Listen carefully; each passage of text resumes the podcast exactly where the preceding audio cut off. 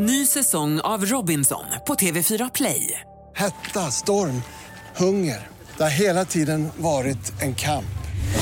Nu är det blod och tårar. Fan händer just nu. Det. är Detta är inte okej. Robinson 2024, nu fucking kör vi! Streama söndag på TV4 Play. Podplay. När man lyssnar på Rapport Aktuellt så är det fan knappt så jag förstår vad de säger.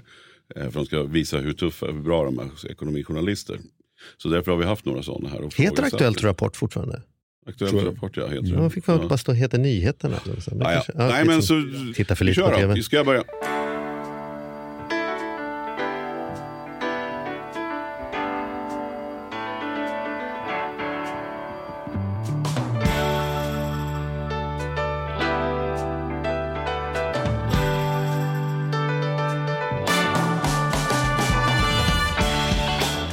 Och hjärtligt välkomna till veckans avsnitt av Ekonomi på riktigt med Charlie och Mattias. Du, nu kände jag att jag har en, det slog det mig, det kändes som att jag har en radioröst. Så här, nu sätter vi igång så kommer det så här, nama, nama, det är så här som att man låter som om man är en parodi på sig själv. Ja men det kanske, ja, men vi har, får man säga, vi har gjort några timmar radio nu. Jo, jo, men nu låter du på riktigt. Alltså nu låter du som att Jaha, vi du pratar. menar när du pratar, ah, okej. Men det här kommer jag ihåg från när vi gjorde Lyxfällan, att ibland så hamnar man i den här när man gör synkar, då, det vill säga någon trycker upp en kamera och säger berätta, vad tycker du om familjen? Ja. Så svarar man inte så här, ja, jag tycker att eh, de verkar trevliga men eh, mannen verkar lite, utan man säger, ja när jag träffar familjen då upplever jag att, eh, att här, Jag vem, är, vem är det. som pratar liksom? Så här pratar ju ingen människa. När Dramatenskådisar ska göra svenska deckare, man tänker så här, vad är det för polis som pratar? Så här låter det inte när folk pratar. Men jag bara fångades av, Jag har ju fått Mm. faktiskt erbjudande och dels läsa in ljudböcker Mm. eh, och jag har också, drömmen skulle få vara att prata in sån här amerikansk trailer. Ja. Jag, jag, jag har fått cred för att jag har ganska bra röst. Ja, det har du ju. Jag Ja. är lite brummigare än dig liksom. det kan, du har ju lite brummigare än alla, ska jag säga. Nej, inte en alla. Men, Nej, men men jag, har, väldigt. jag, jag skulle säga, tänk att få dra en sån här, men, tänk sån här riktig amerikansk fet Ja, ja. Hollywoodfilm, Ja. trailer. I, I den här lokalen tänker man ju direkt på Jesse Wallin, hette han, som, var radio, som är en radiolegend. Han har ju fantastiskt Ja, men det är mycket röster när man kommer in och tittar här. Eh, på tal om just det. det är Mm. För vi sitter ju i, i, och spelar in i lokaler där det är ganska, spelas in massa poddar och radio dessutom, Mm. på, på Podplay. Då. Jag, eh, Gry står till vänster och Ja men annan står till precis. höger. Mm. Jag, hade, hade, jag träffade, eh, nu ska vi se, ja men åh. Åh, nu är det namedropping på. Ja. Dun, Nej skitsamma, jo, jo det spelar ingen roll. Ja, men jag träffade Lotta Bromé för inte så länge sedan. Ja, Och henne har man inte hört nu i radion på länge heller. Mm. Men sen när man sitter alltså mitt emot en sån som Lotta Bromé som har en sån här fantastisk röst. Samma var det med Adam Mm. Alsing. Det var ju också så där, det blir sån overkligt. För man, rösten är så känd så att man, man häpnar nästan när man sitter och tittar det, här på tror jag, det här tror jag jag nämnt, men det jobbigaste jag hade med att jobba på Plus var eh, en jättekonstig grej och det var att våran chef, vår liksom högsta chef jag hade var Bengt Strömbro. Som var supernice på alla sätt. Men det var bara ett problem med honom. Att han dessutom gjorde en humorshow tillsammans med Klungan som heter Mammas nya kille. Där han var liksom the straight guy som intervjuar alla de här knasiga karaktärerna. Så jag hade liksom hängt med Bengt Strömbro och hans röst som humor i många år. Så för mig var det liksom lite märkligt att sitta och förhandla och diskutera. Lite som om man skulle, ja, som, som att göra det med Björne i Björnes magasin. Typ så här, det, här, det, här, det, li, det kändes lite som en utanför kroppen Ja, jag upplevelse. fattar. Ja. Mhm. Nu ska du få en utmaning. Vi pratar lite radio så här. Nu ska du få göra en övergång till våran gäst. Hur kan vi komma från röst till Erik? Hur, hur tänkte du? Ja, nej men jag, okay, jag hoppar rakt in i djupa änden på poolen och säger så här, precis som man kan gå omkring och ha din och min röst i öronen hela tiden, som jag har nu. Senast idag när jag gick hit så var det någon som på riktigt stannade mig och pekade på sina hörlurar och sa, jag lyssnar på dig just nu. Det är kul. De slutar inte lyssna och prata med mig utan de är fortfarande mer engagerade. i det.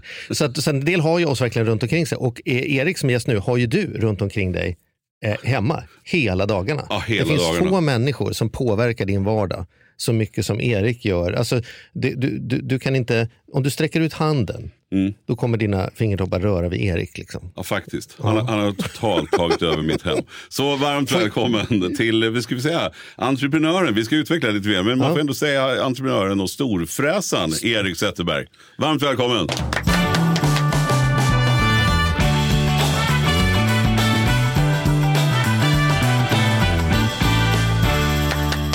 Stort tack. Storfräsare vet jag inte. Men eh, det är väldigt roligt att vara här. Tack ska ni ha. Mm. Tack. Men eh, alltså, du har ju en superspännande resa som jag tänkte vi skulle snacka lite grann om. Också det företag som du driver idag. Men för mig, om man googlar Erik Zetterberg så, så hamnar man ju liksom på... Ja, men du har ju haft verkligen toppositioner. Alltså, det sista du gjorde innan du kom tillbaka till Sverige kan man säga, så var du ju på Amazon som någon eh, modechef. Kan. Storfräsare, hette det inte det bara? Storfräsare Ja, Amazon? storfräsare. Var Amazon. intitelt. Och bodde i New York. Liksom. Alltså, vad är så det måste ju vara drömmen. Liksom. Ja, men det var, det var det. New York är väl, det är nog inte ensam om att det är en sån här plats som man har i sig, att man någon gång i livet hoppas få hamna där och testa att bo där. Och eh, Hur var det då? det var eh, jätteroligt. Vi flyttade dit familjen med två små barn och eh, tyckte att det funkade ganska, ganska bra och var mysigt och att vi fick till en vardag. Och att det var, det är ju lika töntigt som, som det är självförverkligande, men att det, det var, var härligt att få vara en i gänget och hitta sin lilla kvarterskrog där och känna att man var, var en, en av dem som, som bodde och, och levde där.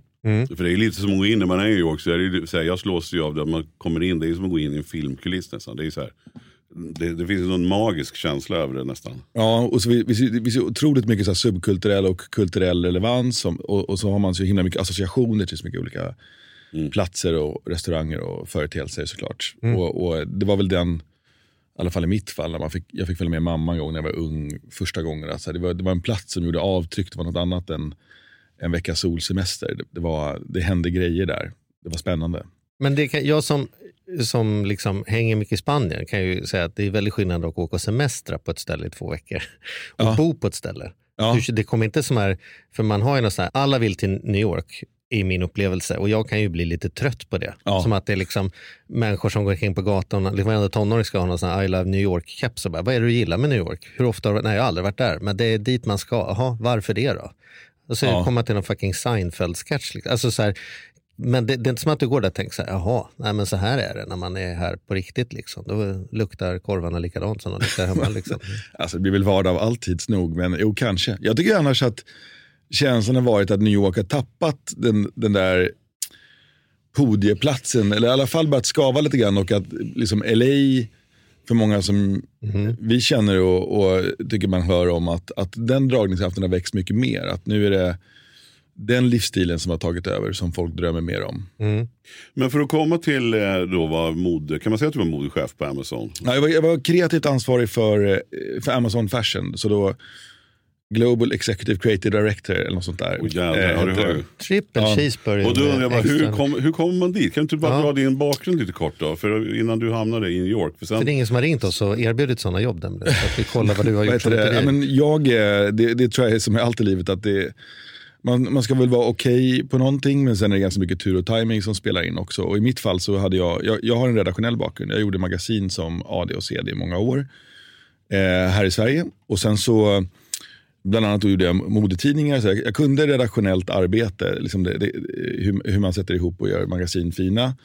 Eller okej fina i alla fall. Och sen så kunde jag ju även då mode lite grann. För att många, eller L till exempel som jag gjorde ett tag och så här. Andra tidningar handlade om det. Och sen så var jag periodvis eh, frilansare, eller hade som liksom Sveriges minsta egna lilla låda, så att jag tog uppdrag. Och då var det någon gång, det är rätt länge sedan nu då, men där eh, man hade luft i schemat och kände att eh, det finns plats för mer jobb här. Och eh, då började det komma frågor om, om eh, att göra internetgrejer. Och på den tiden var det ganska okult. Alla som var riktigt, riktigt duktiga, de höll sig borta från internet för att ur ett formgivarperspektiv var det små fyrkantiga bilder med hög komprimering. Det var begränsad typografi och, och dessutom nytt och annorlunda. Så att det, var, det var nog egentligen liksom att jag då inte var tillräckligt duktig kanske på magasinsmakande eller modemakande som gjorde att jag var tvungen att börja tacka ja till lite webbsidor. Som sen vid något tillfälle blev att jag hjälpte till att göra en e-handel och sen efter ett tag började man lite varm i kläderna och det utvecklades och så började man tycka att det var faktiskt var ganska kul. Och, och där någonstans i den vevan, och det här är väl, kan det vara 2010 eller något sånt, jag kommer inte ihåg exakt nu då, men då, då helt plötsligt satt jag på en erfarenhet som var ganska ovanlig. Att man kunna redaktionellt tänk, kunna mode och kunna e-handel. Och då hörde Netta Porter av sig från London, för då letade de efter en, en CD till, till sin verksamhet. Jag vet inte ens vad det är. Jag borde Det är, lite artigt här, men Netaporter Äh, kunde ha varit kaffefilter för allt jag vet. Ja, men, och det, det, är, det är rimligt att du inte vet vad det är. De säljer väldigt, väldigt lyxiga damkläder och accessoarer. Aha. Och de var, de var väl den e-handeln som då Nathalie Massini hette hon som startade det. Som, och hon hade också en redaktionell bakgrund och kom från Marie Claire och Condé Nast som jobbar mycket med lyxmode. Och, och verkligen det, ja, men high fashion. Och, och hennes idé var då att så här, det, det går att sälja sådana här produkter online. Och på, på den tiden var, var folk väldigt skeptiska till det. Och då startade hon ett apporter som sen visade att det här gick alldeles utmärkt och det växte. Och, så då var, var jag där över ett tag.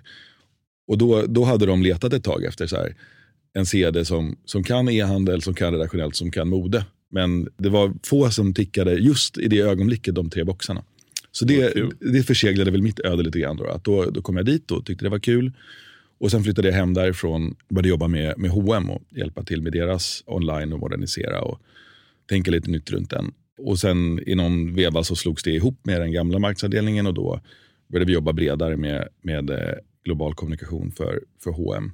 Mm. Och det var även, där jobbade jag ihop länge då med eh, Daniel Herman som är eh, medgrundare till Singular. Mm. Eh, Dit vi är på väg. Men sen vart det Ja, New York och det och sen, här. Precis, och sen hörde Amazon av sig och, eh, vid, vid några tillfällen och, och då började jag tänka att det är ganska spännande att få utanför perspektivet på det, retail och mode som man sysslar med. Att se hur, hur, tänker ett, eh, hur tänker ett techbolag på det. Så egentligen var det väl så här, jag tänkte det ser ut som att jag kan bidra lite. Få kanske göra det lite snyggare, lite bättre och garanterat lära mig någonting. Och, och, och så var det också, precis så. Och sen frågade du tidigare varför man flyttar hem därifrån. Det var väl mer familjeskäl då, att min, min fru eh, blev uppbokad hemma i Sverige och vi hade en ettåring och en treåring. Och först tänkte vi nog att vi skulle kunna pendla och sådär. Men, men jag var ju också i Seattle ganska mycket när jag jobbade, även om vi bodde i New York. Och Seattle är sex timmars inrikesflyg. Ja, just det. Så det är nästan samma sträcka som att flyga hem till Stockholm. Ja. Och då var jag så här, om, liksom började man tänka igenom det lite noggrannare när det liksom började dra ihop sig och inse att om jag är en vecka i Seattle och jobbar och eh, Jossan, då, min fru, är hemma och jobbar i Sverige under längre perioder som det handlade om. Vem, vem ska vara med våra barn? Mm.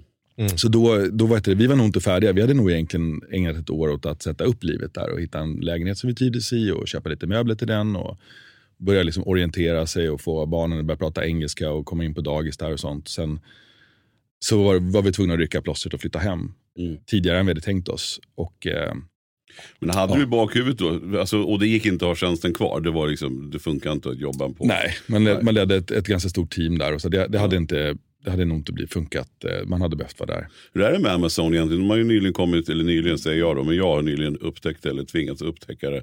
Jag har en dotter som är i USA som ju köper, ja men det är ju liksom Amazon som gäller, de får det till dörren fort och sådär. Och sen har jag gått in och nu börjat titta och titta på utemöbler häromdagen och sådär.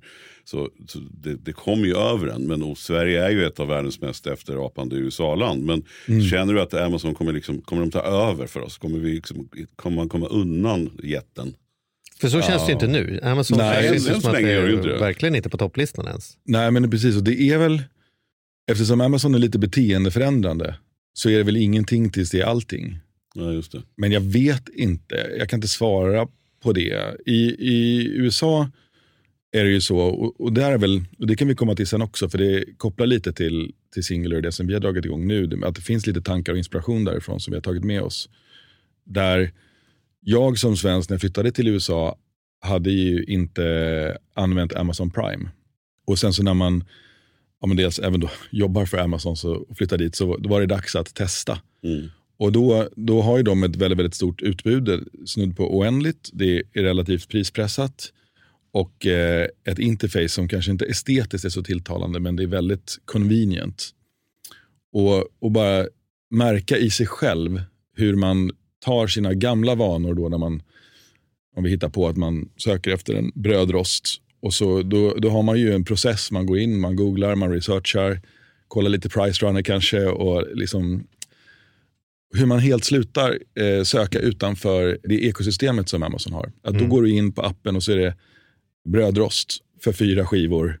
Så kommer det upp en sida med alternativ där, det första vänstra är, är sponsrade och det andra är det mest populära. Och eh, det tredje kanske är det lägsta priset. Och så, då finns egentligen de flesta människors preferenser samlade där. Vill du ha varumärket, vill du ha den prispressade? Eller vill du ha, så du behöver inte ens scrolla. Och då är det ett klick och sen så har du det gratis hemskickat inom två dagar. Så då, då, då- då ändrar man ganska snabbt, märkte jag i mig själv i alla fall, beteendet. Att man slutar söka utanför. Jag tror i USA så är majoriteten av produktsökningar på internet sker inom Amazon. Mm. Så då, och då, blir, då, ställs då kommer en ny utmaning. att Är du inte på Amazon så finns du inte helt plötsligt. För det blir verkligheten för en del varumärken. Ja, det där är Ja, det är en farlig jag verklighet. håller på att hamna in där Mm. märker jag. Alltså, Ja, men, men sen tror jag inte de har kommit så långt i Sverige. Nej. Men, men det finns ju resurser och de är uthålliga och, och ganska duktiga på just den modellen som de jobbar med. Så, så kanske det blir. To be continued. Men nu är inte du här för Amazon, utan men du sen- åkte precis. hem och gjorde något det. annat. Och då kommer vi till det som heter Singular Society. Och du känner min fru. Och, Ja. och hon kom hem till mig en dag och sa att jädrar Erik, de har en sån jädra affärsidé på gång. Eller om ni har precis, det var ju i startgropen i alla fall. Och då drog hon ju liksom hisspitchen för mig. Det tog ungefär en minut. Och så sa jag bara så här, det här det måste vara för bra för att vara sant. Sa jag.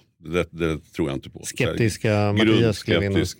Men kan inte du dra hisspitchen för våra lyssnare då? Vad, vad är Singular Society? Ja, men jag ska försöka. Men, och, och, och skepticism är sunt. Alltså, beteendeförändrande saker ska man ju närma sig med försiktighet. Så det, är- det är inget konstigt. Men Single Society är ett nystartat varumärke som bygger på en medlemsmodell. Så att vi, likt eh, i andra industrier, då, underhållning eller musik eller liknande, vi tar vår intäkt från en medlemsavgift.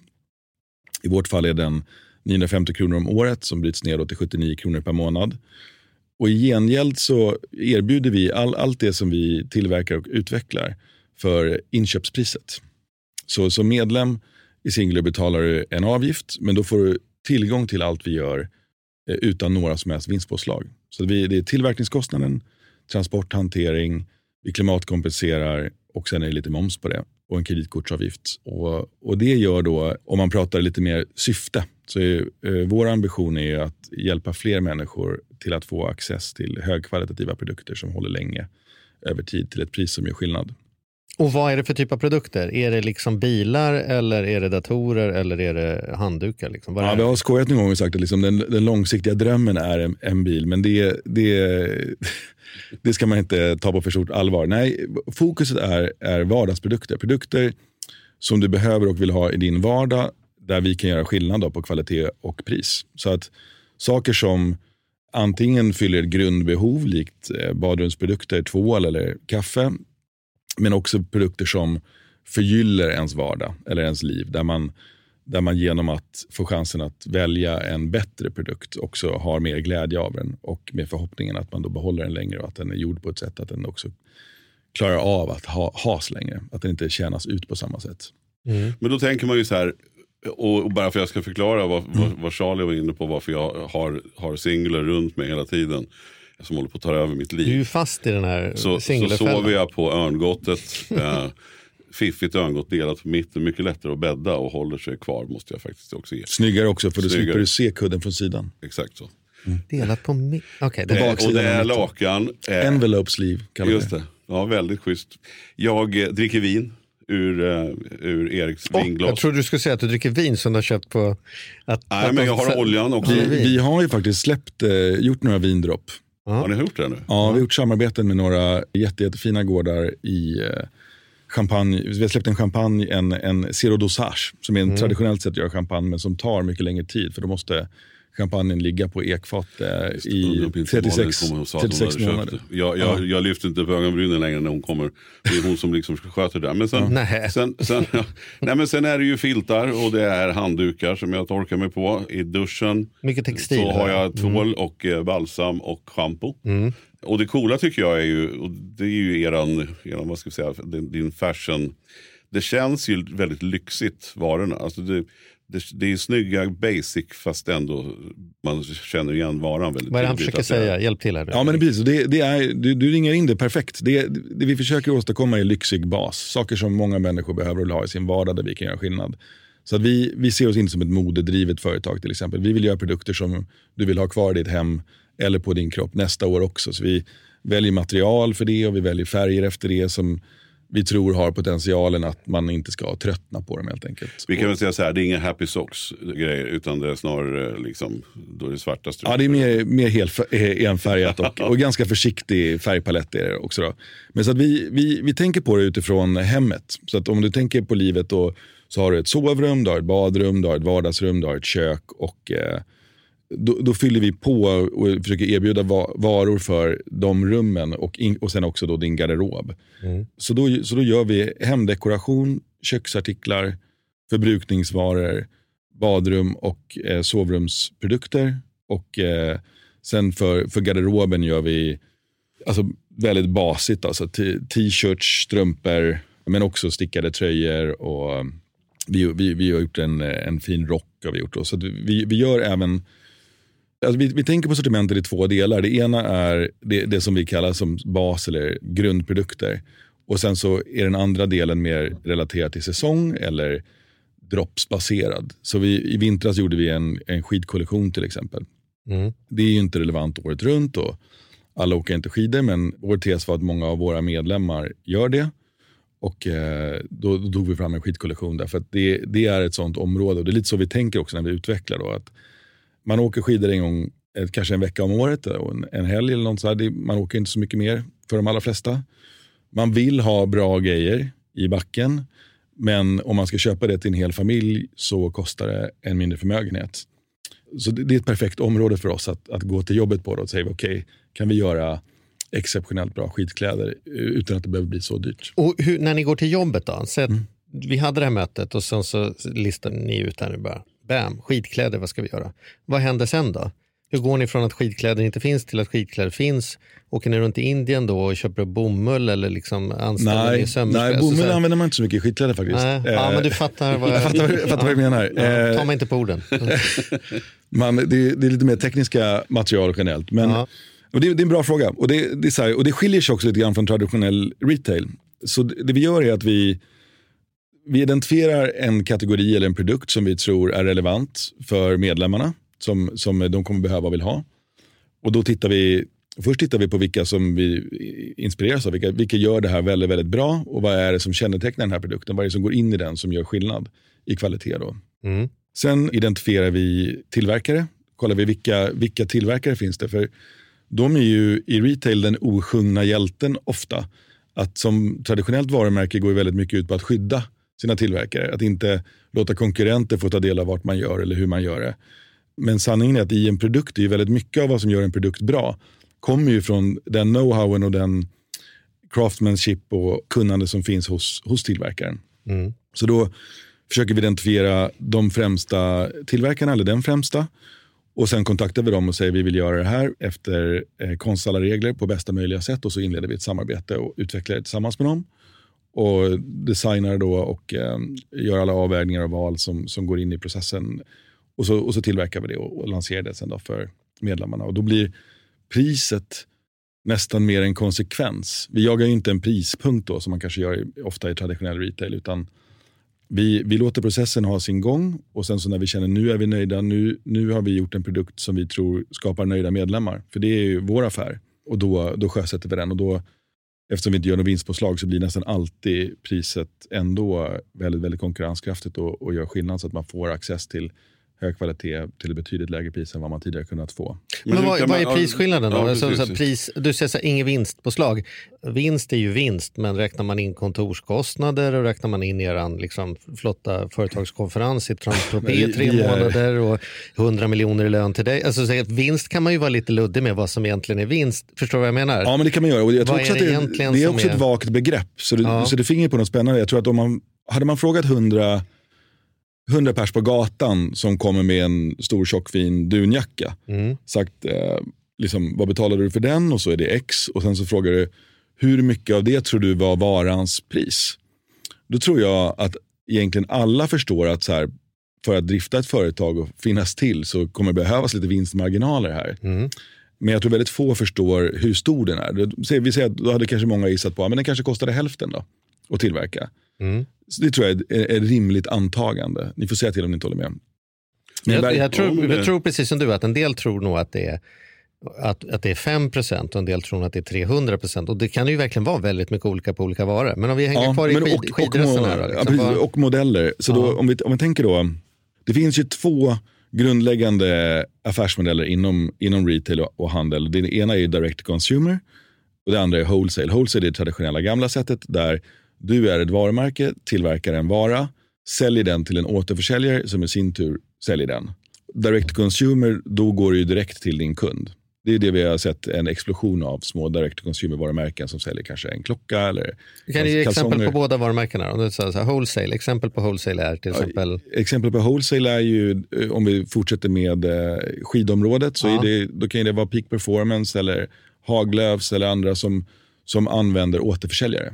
Just det. Så då går man in på någon sån här, eh, ja, nu här är jag livrädd för Mattias retar mig alltid för mina eh, ålderdomar, men så här, inte sportbutik Ja, eller något sånt där. bra exempel. Existerar de fortfarande? Ja, de finns. Jag tror de finns. Ja, Och- och- och eller Stadium. Stadium, liksom. Ja. Stadium. Så då går jag in på Stadium och då hänger det en massa olika grejer där eh, med olika varumärken på. Exakt. Och då är det, ju- fattar jag att Stadium tar ju mer betalt för dem än vad de köpt dem för. För de ska betala personalen, Ja, är ju- lokaler, de här löparspåren i hallen och grejerna. Det här kan ju ni, för ni är experter på området, men, men ekonomi är ju inte, det finns ju ingen magic, utan Nej. Någonstans ska det ju gå jämnt ut. Ja. Och, då, och då blir det intressant. Så om, om vi tar ett enkelt exempel då, då en, eh, en t-shirt. Mm. Och så säger vi att i en traditionell modell, då räknar man ju ofta baklänges. Då, då, då kanske en säljchef kommer in och säger, jag kan sälja 10 000 sådana här om de kostar 99 kronor. Mm. På Stadium säger han det. Ja, Jag ja, kan sälja ja, vi kränga kan- för 99, Ja, det, så jag måste köpa in dem för mindre ifrån... ja, men vi kan säga stadium, eller egentligen kan du tänka redan på, på varumärkesnivåer. Ja, så okej. De som säljer dem till Stadium säger vi kan Ja, kränga precis. dem Och då- för 99 här. Och då räknar man baklänges. Så säger vi, det, ska, det här ska sluta på 99 kronor. Ja. Och då vet du att ett återförsäljarled i klädbranschen, för att deras verksamhet ska fungera så måste de lägga på ungefär 300 procent från, de, från deras inköpspris. Så då, då drar vi bort det och då, vi, vi gör så här, vi räknar ännu snällare, vi räknar 2,5. Då, då har du kvar 40 kronor. Och det är ju då, det varumärket sålde varan för till återförsäljaren. Och deras modell är inte olik heller. För att kunna bära deras overhead och kostnader och i bästa fall lyfta en liten vinst så måste de göra minst ett liknande påslag. Och räknar du bort 2,5 igen, då har du 16 kronor kvar. Det blir briefen till tillverkarna. Så då Så ringer du- fabriken som syr tröjor, Ja, så då, hej, kan ni sy tröjor för 16 kronor? ja, då blir briefen så här, vi, vi vill göra en, en vit rundhalsad t-shirt. Mm. Eh, och, eh, och då blir, första frågan är ofta då, vad ska den kosta? Mm. Och då säger man, vi vill, vi vill inte att den ska kosta över 16 kronor i tillverkning. Mm. Och då säger man så, all right, det var inte så mycket pengar att göra en t-shirt för. Och då, det är då man börjar liksom leta kompromisserna. Om man tänker, måste det vara ekologisk bomull i den här då? Kanske inte. Vad kan vi göra för att förenkla processen i den här tillverkningen så att vi, så vi kan träffa rätt prispunkt? Mm. Det är ju vår lyx att slippa. Vår, vår fråga är hur kan vi göra en t-shirt som gör våra medlemmar nöjda? Som egentligen överträffar deras förväntan på vad en t-shirt kan vara. Det blir, det blir vår brief. Mm. Och sen blir priset en konsekvens av det. Så att, men om man går tillbaka då till din ursprungsfråga, då, är- då är det ju från en tredjedel till säg en sjätte, sjunde, åttondel som är tillverkningskostnaden i det. När du går och köper någonting, en skidjacka då till exempel, då är tillverkningskostnaden inte mer än så av det du betalade. Det andra är ju ineffektiviteter i affärsmodellen. Mm. Men om du då, vi, vi leker med den här t-shirten då som exempel. Om, om du pratar med fabriken och så säger du så här, jag vill ha ekologisk bomull, jag vill ha den här. Vi får se var det landar, vi vill göra en schysst t-shirt för våra medlemmar. Om då fabriken ringer och säger, hej vi kan leverera den här t-shirten för 25 spänn. Mm. Sen ska du sälja den här då till dina medlemmar. Ja. Måste inte du ta höjd för er lokal och för din lön? Och för... Ja, det, det finansierar vi med medlemsavgiften. Så att, så att det, vi, Så du, på- du påstår att tröjan som, som jag köper för 25 spänn, det är vad, den, vad ni betalar på fakturan. När det kommer en sån här, tusen, så här 20 000 tröjor, faktura, ah, 20 kronor. ja, vi, vi, har nästan som, vi jobbar nästan med två PNL. En Vad är för, PNL? profit and loss. Eh, så att två, två snurror, två Mm. finansiella snurror för verksamheten. Där den ena är produktsnurran, ambitionen är att den ska sluta på noll. Det är svårare än vad man tror med valutaeffekter och allt annat som påverkar det. Det andra är medlemsavgiften, det är ju vår stadiga fasta intäkt som vi bygger vår verksamhet runt. Och då, I och med att vi baserar på medlemsavgift som är långsiktig så är det lättare för oss att planera vår verksamhet. Vet vi hur många medlemmar är vi, hur mycket måste vi tillverka. Eh, det tar ner risken för oss och risk kostar ju också pengar. Så, att, så då, det är ett sätt att, att tvätta oss rena från det. Och på produktsidan då, så att då tar vi inköpspriset och sen så är det ju en, hanteringen av den, alltså transport, lagerhantering, labeling, transportförpackning och eh, klimatkompensation. I vissa fall en rd kostnad nedbruten på mängden. R&D, eh, research, översättnings- research and development. Så att om du har gjort en mönsterkonstruktion eller om du har eh, betalat för massa tester eh, för att säkerställa en formulering eller en produkts kvalitetsnivå. Det går in i produkten. Det, det som vi tycker egentligen då är en del av, av resan för att du ska kunna faktiskt köpa den. Eh, det räknar vi in. Så att från inköpspriset så, så, så blir det ju inte, det- förhållandet är ju inte 1-1 men det är, det är väldigt, väldigt mycket närmare det. Och, och den stora viktiga pusselbiten tror jag är att vi, vi tillverkar inte varorna i syfte att tjäna pengar. Och Det öppnar upp massa andra dörrar. Vi tillverkar varor i syfte att eh, göra skillnad för medlemmarna i deras vardag. Och då blir ju till exempel, om man kommer in på även så här hållbarhetsaspekten, så är ju då den största utmaningen för retailbranschen, är, den största boven är överproduktion. Att ofta tillverkar man upp till över 30% mer än vad man behövde. För att modellen nästan kräver det. Medan i vårt fall är det katastrof. Vi kan inte tillverka mer än våra medlemmar behöver. Annars blir det en förlust för oss och det har inte vi plats för i våra snurror. Så att vi genom vår modell då lyckas minimera överproduktion. Och ni lär er också mönstret hos era medlemmar vad de köper. Och så här, hur stort, om, om man har tusen medlemmar så kommer sannolikt 300 köpa en tröja. Alltså någonstans ser ni det där Ja, men precis. Vi, vi blir bättre och bättre på det hela tiden. Ja. Nu har vi varit igång i ett och ett halvt år. Så nu har man redan nu börjat lära sig lite om, om eh, behovsmönster. Precis.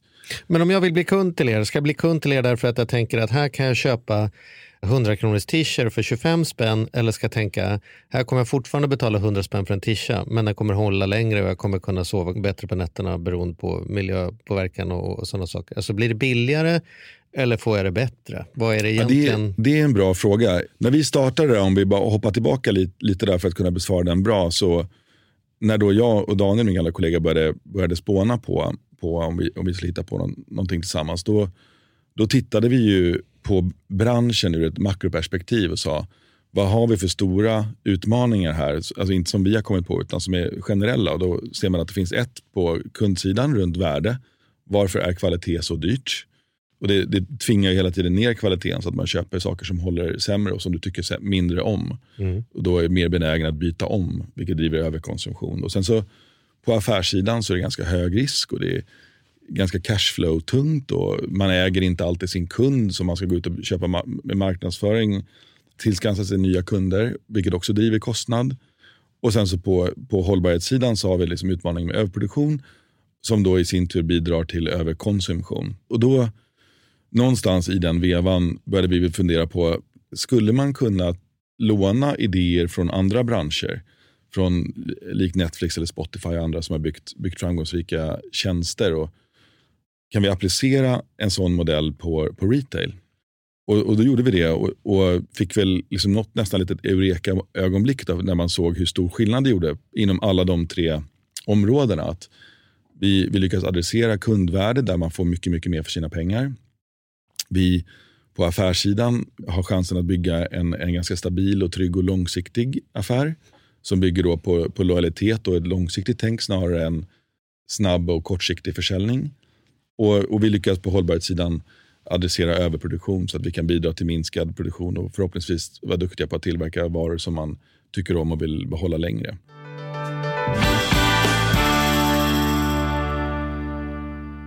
Den här podden gör vi även den här veckan i samarbete med SaveLend. Fan vad kul det är att ha dem med ombord. Mm, jätte, jätteroligt. Ja, vi brukar prata om att man har något band som man såg.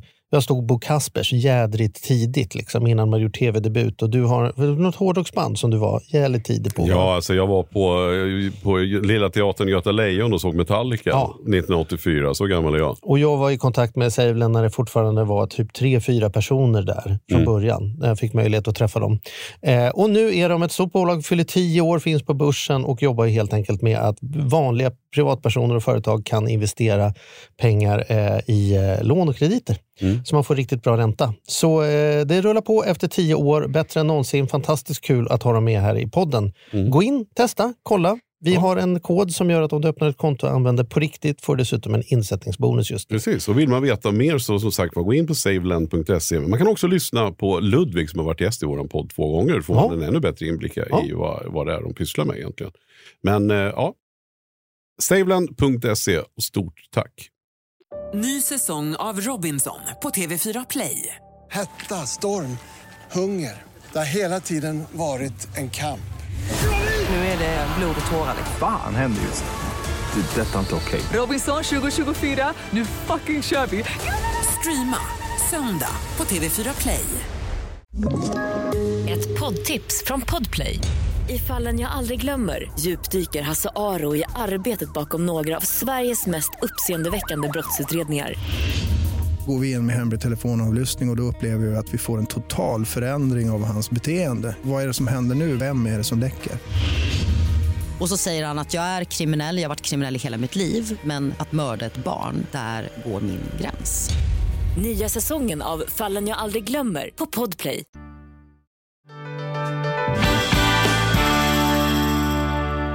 Det är också häftigt att där du, som du pratade om innan, de delarna som du hade blivit bra på, att du verkligen kunde applicera.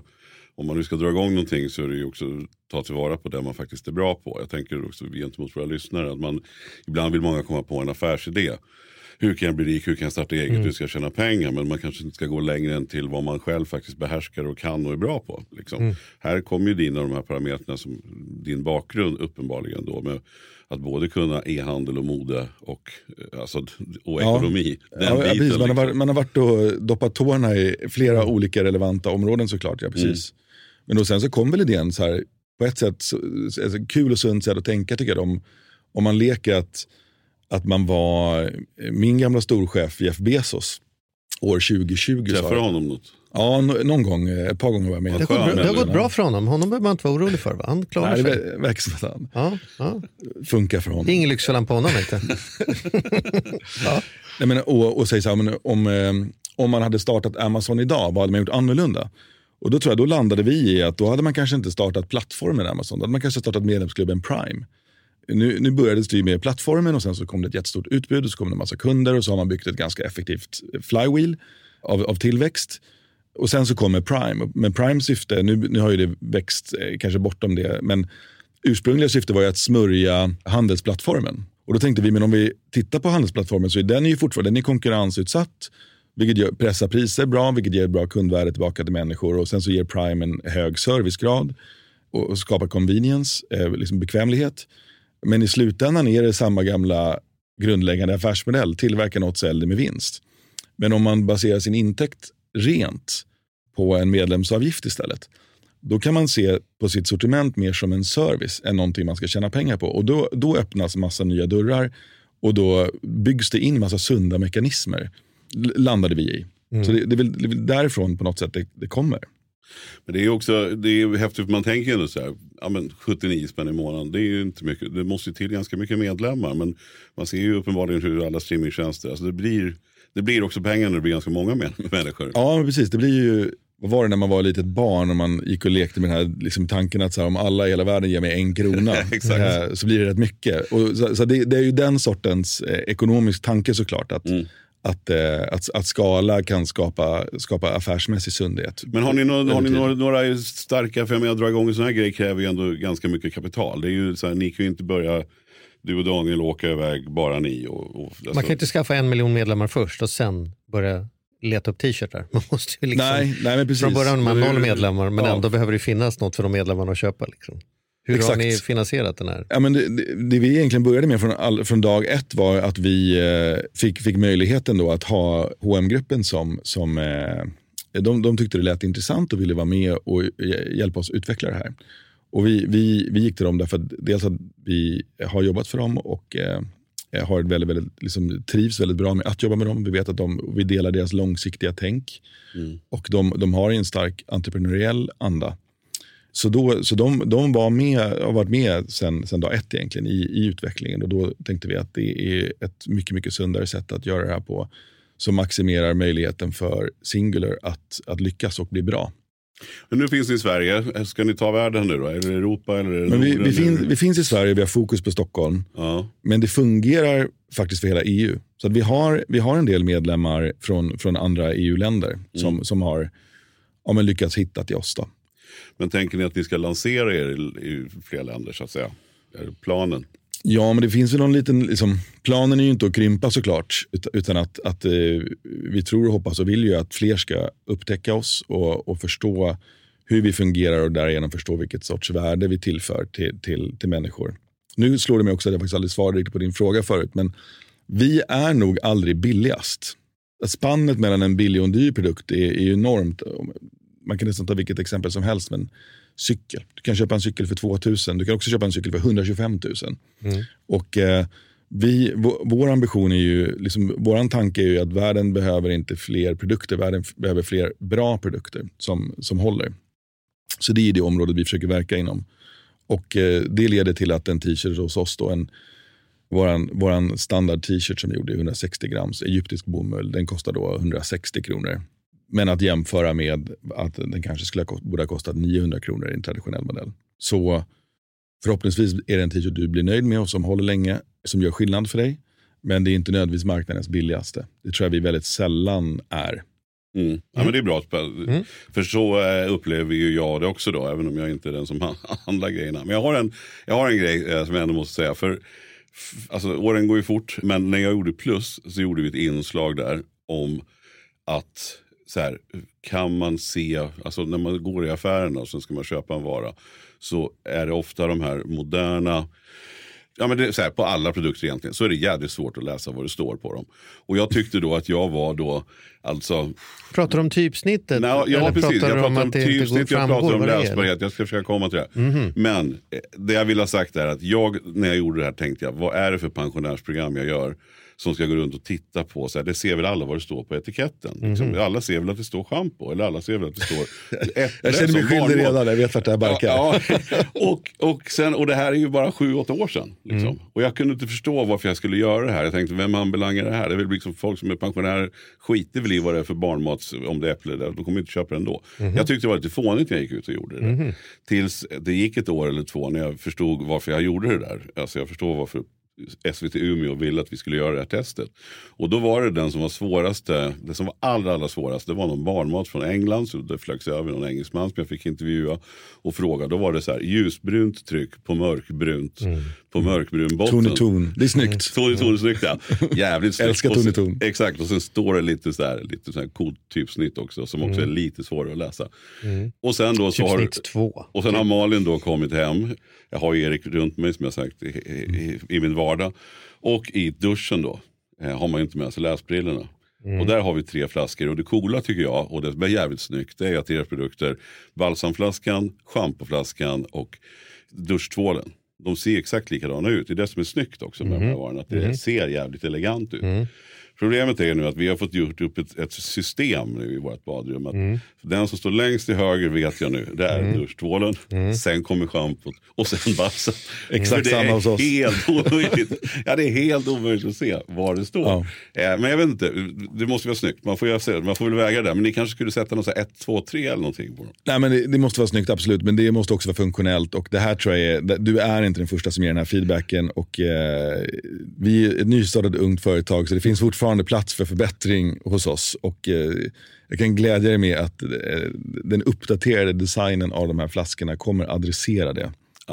eh, och komma inom kort. Men, men det, är, det är ganska många som har påpekat det här och eh, det blev lite litet. Eh, Jävligt det, snyggt, det, måste jag ändå säga. Ja, det, det är otroligt fint, eh, men med några teckenpunkter större kommer fortfarande kunna vara fint och eh, göra lite mer nytta. Men du, om vi liksom tittar lite på, det är mycket ändå textilfrågan här och där märker man ju att i modeindustrin eller i liksom kläder och när det är så här så är ju liksom världsordningen håller på att gunga. Det är mycket som, som blir annorlunda och det kommer mycket mera vintage och man pratar på ett annat sätt och ganska många är oroliga. Man pratar om butiksdöden och det liksom så här. Tror du att ni är ett alternativ till den andra industrin som man på något sätt skulle säga att vanliga hm butiker ingår i? Eller är ni en föregångare och snart kommer H&M lägga ner sina butiker och bara satsa på de har er för att det, det är dit det kommer. Kommer, liksom, kommer det bara bli Netflix och Spotify av alla klädmärken och, och, och, sådana saker och ingen har vinst längre? Eller det, kommer det alltid vara ett alternativ? Vad tror Ja, du? också bra fråga. Det, jag, tror att, jag tänkte först säga, det är väl ingen som saknar CD-skivan. Men sanningen är att CD och vinyl har gått upp jättemycket tror jag, senaste tiden i försäljning. Så att det kanske var. Jag tror vi- vi ser på oss själva som ett komplement. Vi är inte här för att ersätta existerande varumärken, utan att vara ett alternativ. Men säger du det för att inte skrämmas eller är det på riktigt Nej, jag så att tror du att tror om vi- 20 år så kommer det inte finnas 10 som er utan kommer bara vara ni? Eller? Jag tror att det kommer finnas fler som oss eh, om, om 10-20 år. Men jag, men jag tror att när, när man tittar på retailbranschen så tycker jag man ser att, att det diversifieras generellt med modeller. Det finns rentalmodeller där, där du hyr dina kläder det, och det, det finns de ga- gamla modellerna och sen så är vi då en av de här nya modellerna som kan passa en viss grupp människor eller en viss sorts behov. Att det var också en, en sån här grundtanke när vi startade så tror jag liksom, det finns ju jättemånga varumärken redan och många av dem är jätteduktiga på det de gör. Jag tror problemet som vi såg var att det blev så himla dyrt bara ofta och då blir det för väldigt få. Och vi vill, liksom, det, det vi hoppas uppnå är ju möjliggöra hög kvalitet för fler så att fler kan välja hög kvalitet och ha råd med det. Men eh, om man tänker ur ett sortimentsperspektiv och att alla vi människor är ju olika i våra preferenser och vanor och saker vi väljer och då kan man ju tänka då, till exempel att det finns en person som är jätteintresserad av en viss kategori. Om det är liksom special limited edition sneakers, säg. Då, då kanske det är så här, spelar ingen roll egentligen om det kostar lite mer eller lite mindre. Utan så här, det är ju en hobby nästan. Det är ju någonting man brinner för som är kul och som är en del av ens personlighet. Då tror jag vår tanke är, fortsätt med det, men det kanske inte är lika viktigt att det står GC i sängkläderna. Där kanske det är viktigt att de är i ekologisk bomull, att de är otroligt lena och att de håller.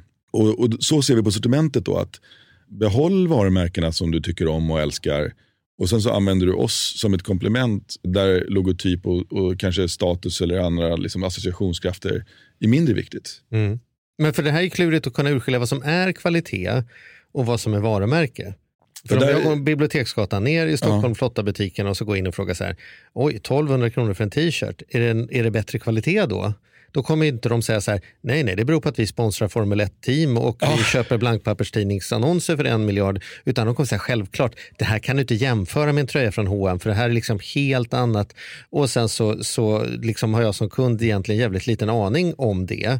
Och har ju en tendens tror jag att köpa saker dyrare än vad jag behöver bara för att jag inte Ja, men för jag kan inte för man vill också jag tro kan, på det såklart. Ja, men man, Ja. jag kan inte kvalitetsbedöma. Jag, jag förstår att de flottaste grejerna, är, alltså, jag dömer ju ut de där flotta varumärkena som att det är bullshit när de säger att de är högre kvalitet. För så jävla mycket högre kvalitet kan det inte vara. Men, men å andra sidan så köper jag inte de billigaste heller för jag tänker liksom, hur har tillverkningsprocessen varit. Men här, är jag ju, här skjuter jag ju rakt ut i mörkret. Jag vet ju på riktigt inte vi skojade innan när kaffe sa det att de, de säger på apoteket det finns ett annat läkemedel som kostar 12 kronor billigare som gör exakt samma sak. Så att jag föreslår att du tar det istället. Då har jag ju blivit den som är, nej, jag vill ha originalprodukten som min läkare har skrivit ut. Jag vill inte ha några billiga kopior. Jag litar inte på att det funkar lika bra för att bla bla bla. Liksom, varför? Du vet, så någonstans är det som att jag får ju chansa vad som är kvalitet och inte kvalitet. Ja, det är en, en utmaning för er att kunden ju, vet ju inte. Du säger att ni är bättre men det vet man ju inte. Nej, det är verkligen. Det är inte säkert att vi är bättre, men vi, men vi kommer alltid ha ett rättvisare pris. Sen kan man ju fortfarande ha andra preferenser vad gäller färg, Mm. eller form eller design eller tycka om andra material eller an, liksom andra val än vad vi har gjort. Men givetvis då, så det, en utmaning för oss är att lära människor att billigt kan vara bra. Att det, är inte, det är inte kopplat till priset, det är kopplat till affärsmodellen. Och, eh, och sen så att bygga trovärdighet, att skapa nöjda medlemmar. Att, att eh, upptäcka oss i första hand såklart, det är väl allas utmaning. Och sen att förstå oss och att vilja och våga testa oss. Eh, det, det, är, det är väl den resan vi behöver göra med människor. Och, sen så då förhoppningsvis ha våra produkter en kvalitet som skapar ett upplevt värde som är, som är på riktigt.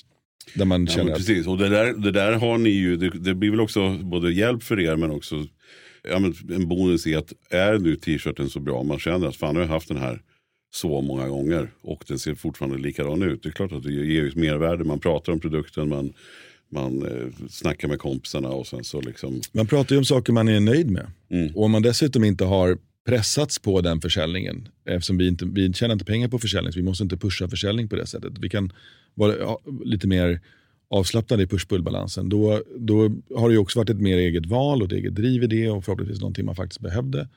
Men Och- finns, det någon, finns det någon risk då för att ni blir för stora? För jag kan ju känna nu så här, när, när vi har haft vänner hemma på middag så har ju vi, så här, Malin var ju med supertidigt liksom. Mm.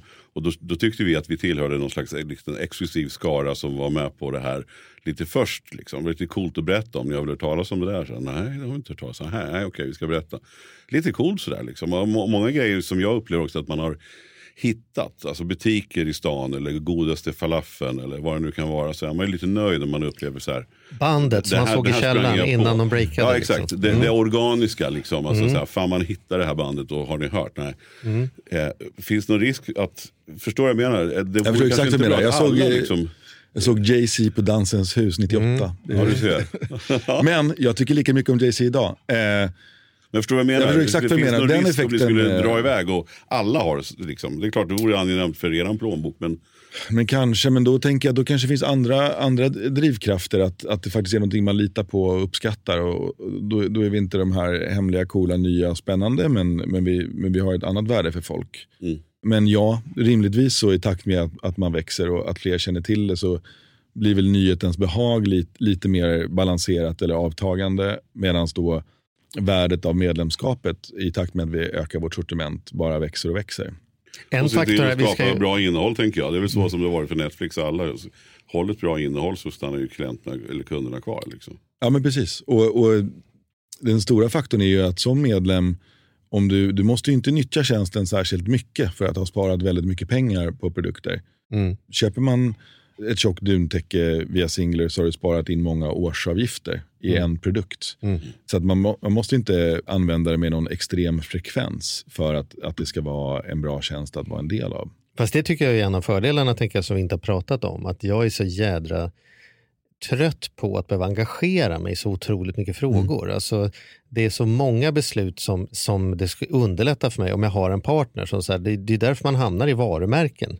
Äh, men Ja. nu, nu kör jag. Jag kör deras grejer för jag vet att det är bra. Man väljer ju liksom smörgåsmargarin någon gång i 25-årsåldern och sen ifrågasätter man ju inte det beslutet Nej, det är- förrän man dör. Ja, precis, man går vidare. Man kan ju inte stå varje gång och börja läsa på alla burkar. Så här, Bregott, ja men jag kanske ska prova det här ketchup nya. exempel? Ja, men precis. Jag kör jävligt lite ketchup faktiskt. Men, eh, men jag tror att det står en, Aha. en Heinz ser jag där. Liksom, så får man någon sån här slots eller något så tänker jag så här, det här smakar inte, det är inte min ketchup. Ja, var- Men i alla fall. Ja, man bygger ju väldigt tydliga Och preferenser. då tycker jag det är Ja, skönt. gör man. så, det, så kan det också vara, att, att det är skönt att liksom ha eh, en partner. Det är ju värt 79 kronor bara för mig. Och så här, nu köper de här grejerna härifrån. Det här beslut, jag har gjort min due diligence, jag vet att detta är bra. Nu kör vi på detta. Ja. Så kan jag engagera mig i de viktiga sakerna i mitt liv. Liksom, som vi hade ju en, en, en doktor i beslutsanalys här som var så här, jag tar alltid pizza nummer nio. Liksom. Vilken Nummer pizza jag än kommer till.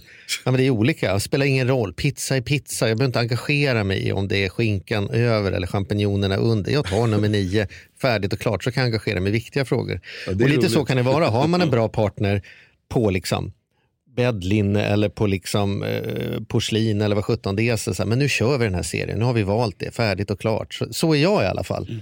Badrummet är blått och svart, färdigt. Behöver inte ens fråga, öppna ett magasin och fundera på, för det här rummet har den här färgen, färdigt och klart. Kommer Ja. aldrig köpas in något annat. Ja, men det är Skönt, exakt så. liksom. Det, det, det hoppas och tror vi på också, den, den effekten. Och att det förutsätter ju att vi är duktiga på det vi gör och att vi levererar kundnöjdhet eller medlemsnöjdhet Mm. hela tiden. Men att, då, att man över tid kan bygga en, en kredibilitet och, och ett förtroende med, med medlemmar som gör att, att de eh, lit, litar på att när Singler kommer ut med en produkt så kommer den motsvara mina förväntningar och i bästa fall överträffa dem. Mm. Eh, och det ser man ju redan nu. Det, alltså det trad traditionella är fel att säga, men den metoden man har använt när man lanserat nya retailkoncept de senaste dryga tio åren är ju att man varit väldigt riktad, väldigt nischad på en kategori. Bara solglasögon eller bara skor eller någonting och, och sen så försökt eh, pinka in ett revir där. Mm. Och vi, vi jobbar ju på ett väldigt annat sätt. Vi jobbar ju otroligt brett eftersom vi vill försöka täcka fler vardagsbehov än så. Så att det finns en högre relevans i tjänsten. Och att det också fungerar som ett bättre komplement. Och då, då, då går det stick i stäv med, med hur man har, har gjort nu de senaste tiden. Men det är ganska kul att titta på varukorgar. För då är det ju kaffe, kashmirtröja och eh, en, en tvål. Alltså, det, blir, det blir väldigt roliga varukorgar Mm. eh, som checkar ut. Så att man, man ser att Eh, Vi är säkert inte framme vid, vid slutmålet där, men att, att, att det har fungerat ga- ganska likt vi hade, hade tänkt oss. Men det finns ju, tråden är ju ändå det du sa, basprodukten i hemmet på något Ja. sätt. Och det är ju verkligen, Ja, men det är då de är som bäst. Jag tror det som kom ganska nyligen, det vet jag inte om ni har hunnit testa hemma än, men kökskniv. Det är ett väldigt, väldigt bra exempel på det tycker, där tycker vi gör nytta, som, där vi tillför någonting. att Alla som har flyttat hemifrån använder i princip varje dag en kökskniv. mm. Och riktigt bra köksknivar är dyra. Så om man liksom frågar 100 pers igen på gatan, så här, alla ni som vill ha riktigt bra köksknivar hemma, räck upp en hand, då kommer nog 100 pers räcka upp en hand. Och då säger man att de kostar 3000 kronor styck. Och du behöver en brödkniv, en liten vegetable knife och en stor kökskniv. Så det blir 9000. Då kommer nog ganska många ta ner sin hand och säga, vet du vad, det hade jag gärna velat, men jag har inte lust eller råd att lägga 9000 på knivar den här månaden. Mm. Då kanske man åker någon annanstans och köper ett inplastat trepack och säger det här blir också bra. Men ett år senare när de är slöa så är det förvånansvärt få som slipar upp dem på nytt. Utan då åker de i papperskorgen och sen så sticker man och köper tre nya. Och vips har man ju av med 9000 innan allt är slut. Liksom. Ja, tids nog har du ju det. Men du har också drivit onödig konsumtion och du älskade kanske inte knivarna under tiden du hade dem. För Det var inte en vardagsprodukt som gjorde skillnad. Det var en vardagsprodukt som du hade köpt för att den var rätt i pris. För du hade behovet. Och så det här, är, det här är väl nästan vår sweet spot. Då. Då säger så här, kan vi göra en bra kökskniv som gör skillnad i kvalitet till ett pris som gör skillnad? Och då, nu var det ju pandemi så det tog lite extra lång tid för det gick inte att få tag i stål under lång tid. och så där. Men då, då har vi lyckats då få tillstånd av Sandvik att använda ett nytt superstål som de har utvecklat som heter 14C28N. Oh, du vet, vill vara- 14C28N har vi pratat mycket om. Ja, ja, men det, Ja, vi det, väntat på det det. har varit i ropet här, snackats mycket om det senaste tiden. Men det, men som är ett Stora stålmässan i Köln var ju det, en av bubblarna. Ja. men det är ett exceptionellt stål som är, som är specifikt anpassat för att vara just bra för köksknivar. Och som, som är då nyutvecklat, som inte har funnits tidigare. Och, eh, då, då säkrar vi det stålet och sen har vi eh, en partner i Sheffield i England som är exceptionellt duktig på att tillverka knivar och gör det för väldigt många av världens bästa knivvarumärken. Och sen så utvecklar då den här kniven och eh, så att det blir rätt vinkelgrad och rätt härdning så att man får rätt hårdhet i den så att den inte chippar och blir bra balanserad i handen. Och sen så har vi gjort ett handtag då av japansk packawood som är det bästa liksom, trämaterialet du kan ha i en köksknivshandtag. Och så är den, då, den stora då, 17 cm kökskniven. Den kostar genom singler 425 kronor. Mm. Och det är en kniv som borde ha kostat tusentals kronor. Ja, du hör ju, han är inte bara bra på internet, han är inte bara bra på formgivning. Han är en jävla säljare också. Ja, men jag blir ju sugen, måste på, ha alla. jag blir ju sugen på, på, på att jobba hos dig, för vad man skulle lära sig lite om mycket. Man skulle kunna mycket om doftljuskvalitet, och mycket om knivkvalitet och mycket om liksom sängling. Och, man skulle vara en super, två år sägs man vara en superkonsument sen när man ska ut och handla. Man vet precis. Ja, Liksom. nej, men det, du sätter fingret på det. Man, man är, sen har ju vi ett jätteduktigt och, och ett växande utvecklingsteam som är specialister inom olika områden. Så det, men, men jag i min roll får ju chansen att lära mig, just som du säger, lite om mycket. Mm. Vil- Vilket nog passar mig som person. Jag tycker om trivia och detaljer och, och att nörda ner sig i det. Mm. Nej, det är ju spännande, otroligt spännande. Och som sagt var, jag, jag kan ju bara intyga. Jag har ju, jag har ju dig runt mig hela, hela tiden. Kökskniven? Nej, den har inte kommit än. Ja, den är, Det, det vi kanske kan bero på att vi har så jädra mycket knivar. ja, Så då att jag ska tror att Malin kanske har backat där. För, men jag får nog gå Ja, men, nej, men du ska inte köpa kniv bara för sakens skull. Det, är- vet Har du redan lagt dina 9000 då, är det, då stänger det. du Ja, den men det har jag nog nästan. Det Men har de- jag också. de- faktiskt. Ja, men har du bra knivar så ska du behålla dem. Vi, Mm. vi eh, vill inte driva onödig försäljning. Då, då finns det annat Det säkert. finns, ja, det gör det garanterat. Mm. Mm. Men du Erik, eh, superstort tack för att du kom. Ja, men stort tack för att jag fick komma. Du missade, du ju åh. Det var ju upplagt. Apropå den vassaste kniven i lådan. Erik, tack så mycket för att du kom hit. Det är så, vad fan, du måste jobba du, lite ja, men också. Du får, väl- du får väl ta det. Vi tar om slutet då. Nej. om det. Den var där, den hände nu. Det var fantastiskt spännande, det var kul. Tack så mycket för att du kom hit. Och vi hörs igen nästa vecka med ett nytt avsnitt. Ja, lätt. Då lätt. ska vi hitta en ny metafor. Ja, det ska vi göra. Mm. Du får göra det. Tack ska ni ha.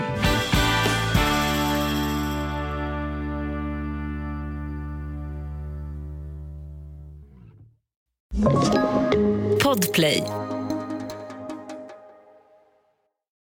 Ny säsong av Robinson på TV4 Play. Hetta, storm, hunger. Det har hela tiden varit en kamp. Nu är det blod och tårar. Fan händer just nu. Det. är Detta är inte okej. Robinson 2024, nu fucking kör vi! Streama söndag på TV4 Play.